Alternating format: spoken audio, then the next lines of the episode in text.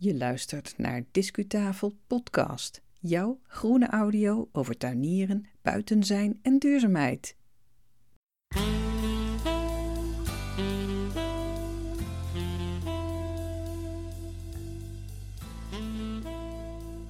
Hey, hallo groenliefhebber. Wat fijn dat je er bent voor het luisteren naar alweer de 134e aflevering van jouw groene audio. Hier is Yvonne Smit weer en ik heb deze aflevering voor jou online gezet op 23 februari 2023. Deze keer ga je met mij mee op een tripje in de tropen. Wat dacht je daarvan? We gaan namelijk naar de Uithof bij Utrecht. In een uh, discuutreportage wandelen we samen door de kassen van de botanische tuinen daar. In een eerdere aflevering kon je al kennis maken met die tuinen.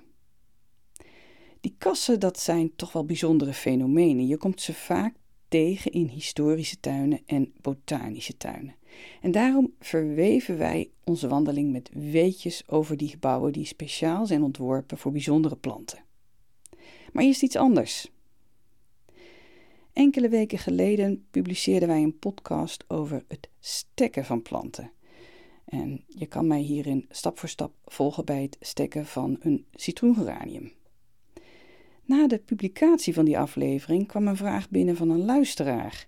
Hij vroeg zich af wat we eigenlijk vinden van stekpoeder. Moeten we dat gebruiken of niet? Dus daar gaan we eerst op in.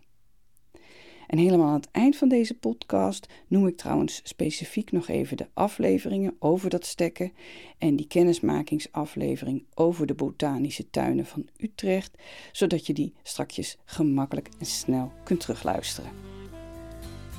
Veel luisterplezier gewenst.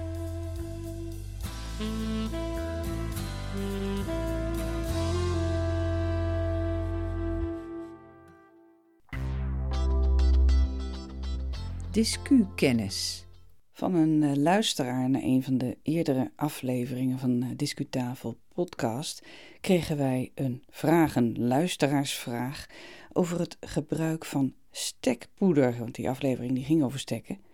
En hij vroeg zich af, uh, moeten we dat nou eigenlijk gebruiken? Wat vinden wij ervan bij Discutafel? Nou, dankjewel voor deze vraag. Daar gaan we graag op in. We zijn niet echt specialist, het wordt een beetje een chemisch verhaal ook. Maar we hebben er wel een idee over. En op voorhand al gezegd, als jij daar meer ideeën of andere ideeën over hebt, laat ze gerust weten. Misschien eerst even een, eh, een schets over wat dat eigenlijk is, stekpoeder, voor het geval je dat niet kent. Het is een, een poedertje, een hulpje om je stekken sneller, beter aan te laten slaan. En je koopt het bij de tuinspecialist of in het uh, tuincentrum. Nou, wat zit er eigenlijk uh, in dat stekpoeder en wat doet het voor je? Um, nou, uh, het is een chemisch verhaal, zoals ik zei. En rond de toelating van, van stekpoeder is dan ook van alles geregeld in de wet. En het wordt geclassificeerd als een gewasbeschermingsmiddel. In stekpoeder zitten vooral twee elementen: plantenhormonen, ofwel auxines, en talkpoeder. Jawel.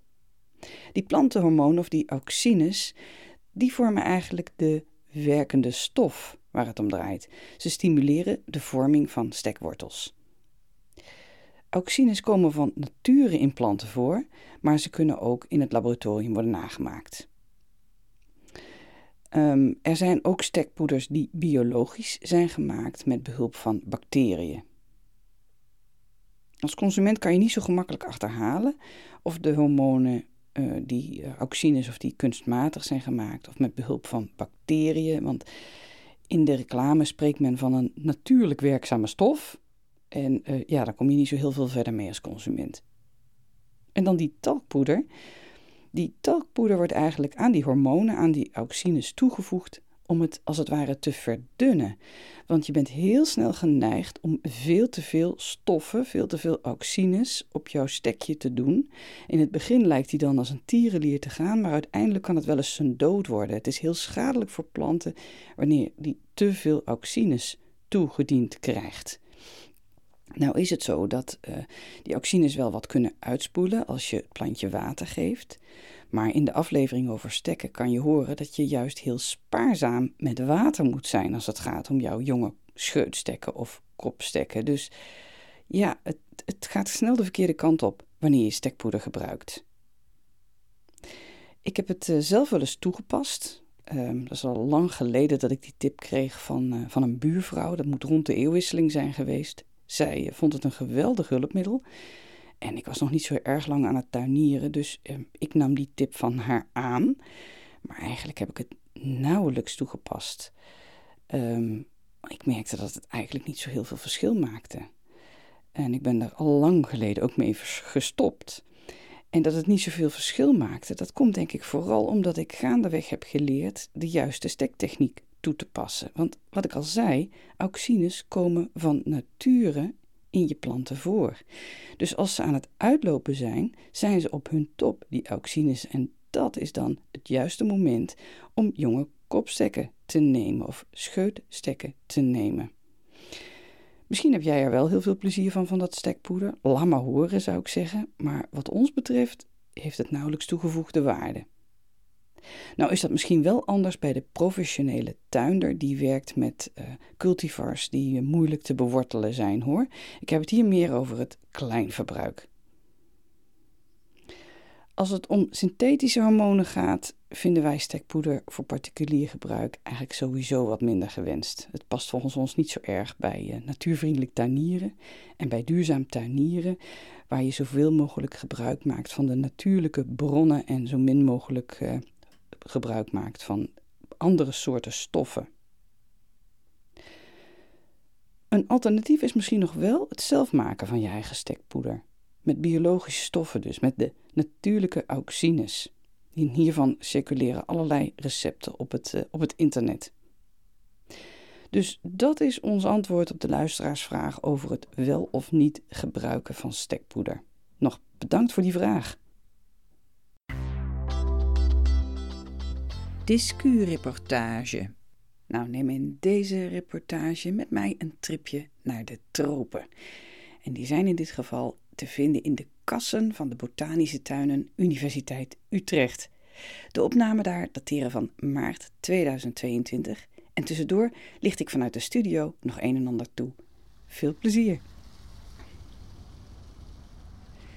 In de tropische kassen hier, daar staan niet alleen de plantencollecties van de botanische tuinen, maar ook uh, zijn er een aantal onderzoekskassen.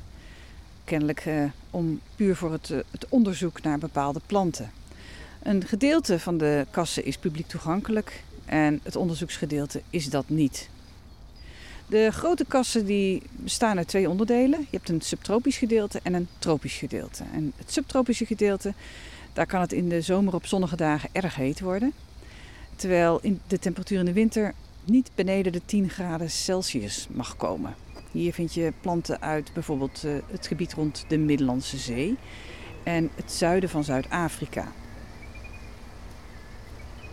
In de tropische kas, daar groeien planten die zich thuis voelen in de vochtige regenwouden. En dan moet je bijvoorbeeld denken aan een plant als banaan of cacao. Vandaar dat de temperatuur en de luchtvochtigheid in de tropische kas altijd hoog worden gehouden.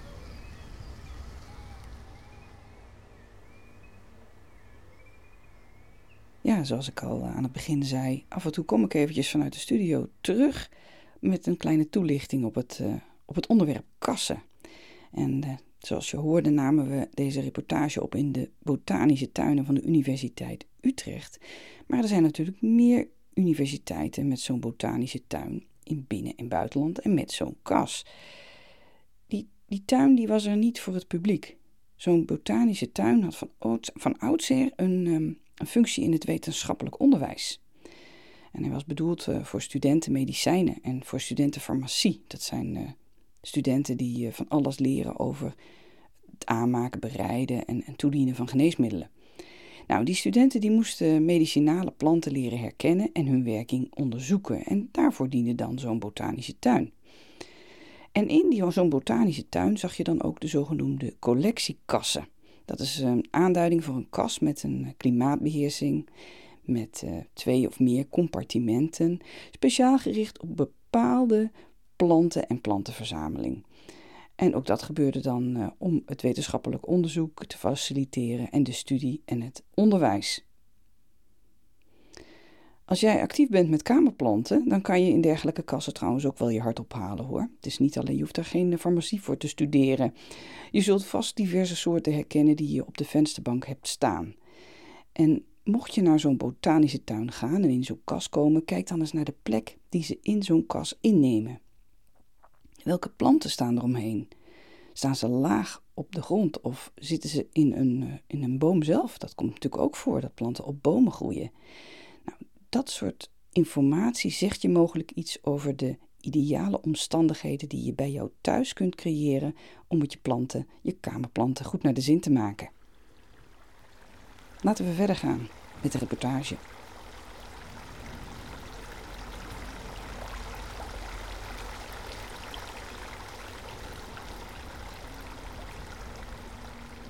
We gaan een andere kas in. Rare vogels staat er. Deur sluiten in verband met patrijzen in de kas.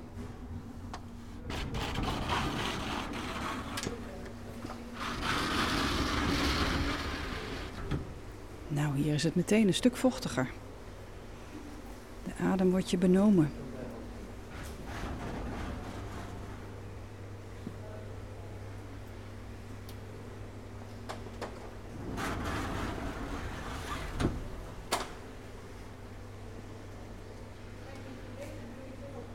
Planten en uh, patrijzen zijn er uh, nog meer levende wezens hier in de kas. We staan even stil bij een, uh, een bordje dat er onder andere een melding van maakt van drie soorten kikkertjes in deze kas.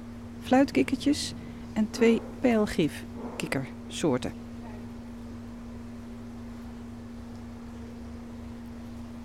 En waarom zijn deze beestjes hier uitgezet? Nou, dat is eigenlijk ter bestrijding van mieren, van kevers en van andere beestjes die de planten kunnen aantasten.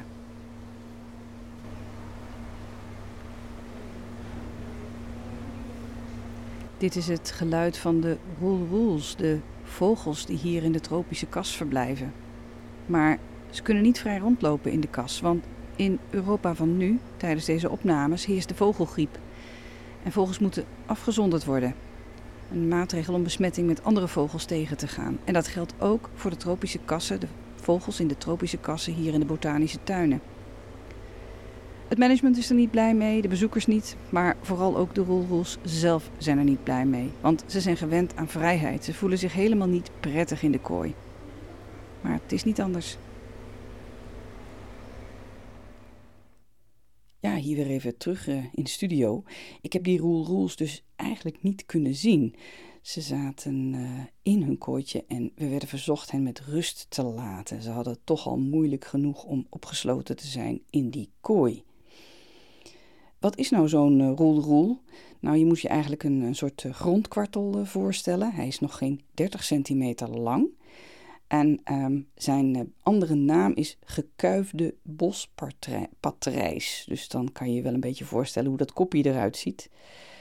Hij um, leeft van nature onder meer in uh, Maleisië, in Sumatra en op Borneo. Nou, uh, nog afgezien van de roelroels dan, nog even iets meer over die collectiekassen in botanische tuinen. Er werden wel speciale kassen gebouwd voor heel speciale plantensoorten met bijzondere eigenschappen. En in die kassen was dan alles eigenlijk gericht op die soorten. Je kent misschien wel de palmenkas of de varenkas, maar er zijn ook kassen speciaal voor orchideeën, voor camellia's en voor succulenten, dus cactussen en soortgelijke planten. In Utrecht hebben we naast de tropische kas en de subtropische kas nog drie collectiekastjes bewonderd. En daar leven dan voornamelijk orchideeën en bromelia's. Ik kan je ook nog wel iets vertellen over de oudste nog bestaande collectiekas in een Nederlandse Hortus botanicus.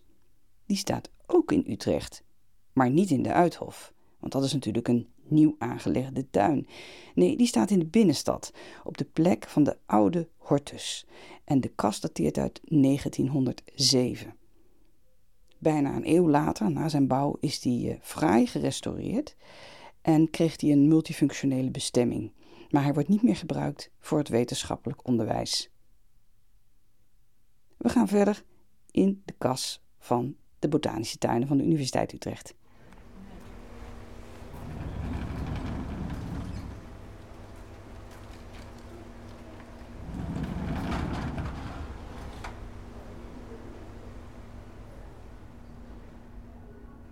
Een van de plantengroepen die we hier zien in de kassen, dat is de palmvaren, de groep van palmvarens.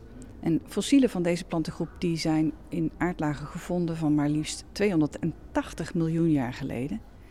Dus deze planten bestonden al lang voordat de dinosauriërs hier eh, rondliepen. Toen waren er trouwens wel veel meer soorten palmvarens dan nu. Tegenwoordig zijn er nog ongeveer 300 soorten. En die komen allemaal voor in de tropen en in de subtropen. Palmvarens hebben geen bloemen. Ze hebben kegels. En die kegels die lijken eigenlijk wel wat op die van een, die, uh, zoals wij uh, een dennenappel zouden noemen. Het zijn dan ook net als coniferen naaktzadigen. En hier in de kas groeien onder meer de valse sagopalm en de Oostkaapse broodboom. En dan staan we ineens voor een soort huisje wat je een beetje doet denken, tenminste mij wel, aan een, eh, een eh, vroegere wc die buiten de deur stond. Iets meer dan manshoog, dakje erop. Maar er staat iets heel spannends op, want dit is de ingang van de vlinderkas. We gaan kijken.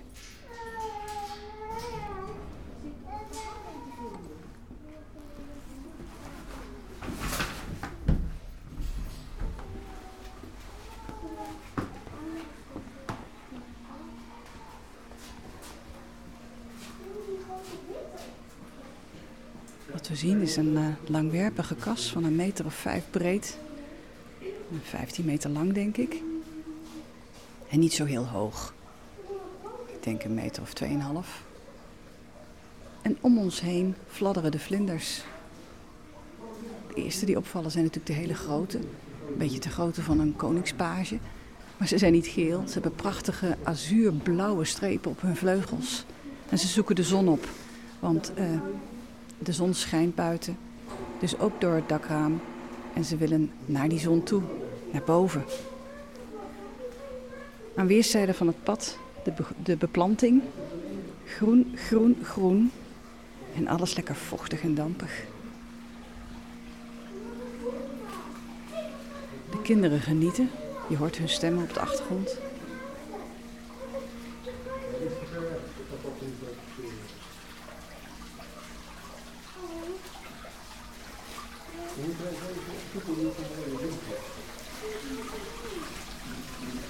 Welke vlinders uh, vliegen hier nou zoal? Nou, er is gelukkig een informatiebord dat een aantal van ons op naam brengt. De Nederlandse namen en de Engelse namen. En de Nederlandse naam, daar staat geen achter. Met andere woorden, hij heeft geen Nederlandse naam. Maar op zijn Engels heet hij de Green Banded Peacock. We hebben ook nog de pas, parel, nee, de passiebloemvlinder. Je podcaster moet even de leesbril opzetten, geloof ik. Passiebloemvlinder, de glasvlinder. En voor de rest heel veel met geen Nederlandse naam. Maar dat mag de pret niet drukken. We moeten gewoon kijken en genieten. We hoeven niet precies te weten welke vlinders het zijn.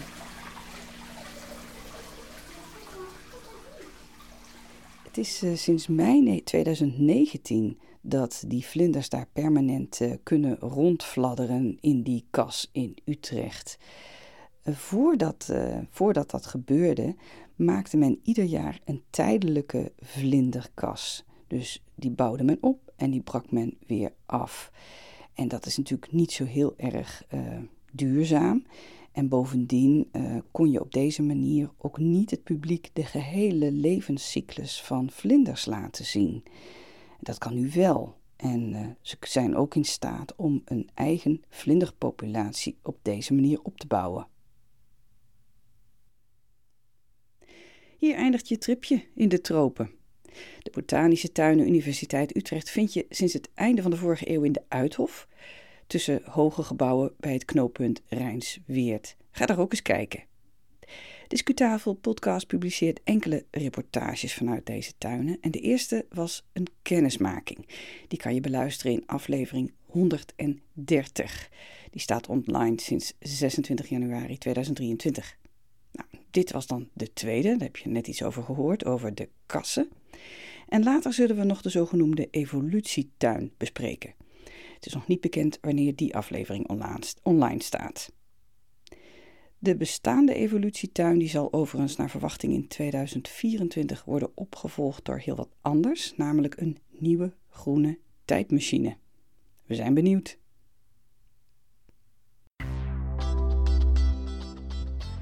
Discuslot. Die vlinderkas in de botanische tuinen van de Universiteit Utrecht, dat is een fenomeen dat natuurlijk niet zo heel erg is gericht op educatie en onderwijs van de studenten aan de universiteit. Het is een verschijnsel dat je vaker ziet bij botanische tuinen tegenwoordig. Hun betekenis verandert. Het krijgt meer een publieksfunctie. En daar is op zich natuurlijk niks mis mee. Ik zou nog eventjes het nummer noemen van de podcast over stekken, zodat je dat gemakkelijk kan uh, terug uh, beluisteren. Dat is uh, aflevering 132 en die hebben we online gezet op 9 februari. Die gaat over het maken van kruidachtige kopstekken. Je kunt dus gemakkelijk nu even terugluisteren. Maar blijf aan de lijn zou ik zeggen, want verspreid over 2023 publiceren wij nog meer podcasts, waarin telkens een andere stektechniek centraal staat. Ik wil je bedanken voor het luisteren naar Discutafel Podcast. Verneem vooral wat meer van ons, bijvoorbeeld via de website discutafel.nl. Daar staat ook een shownote met meer gegevens over wat er allemaal besproken is vandaag.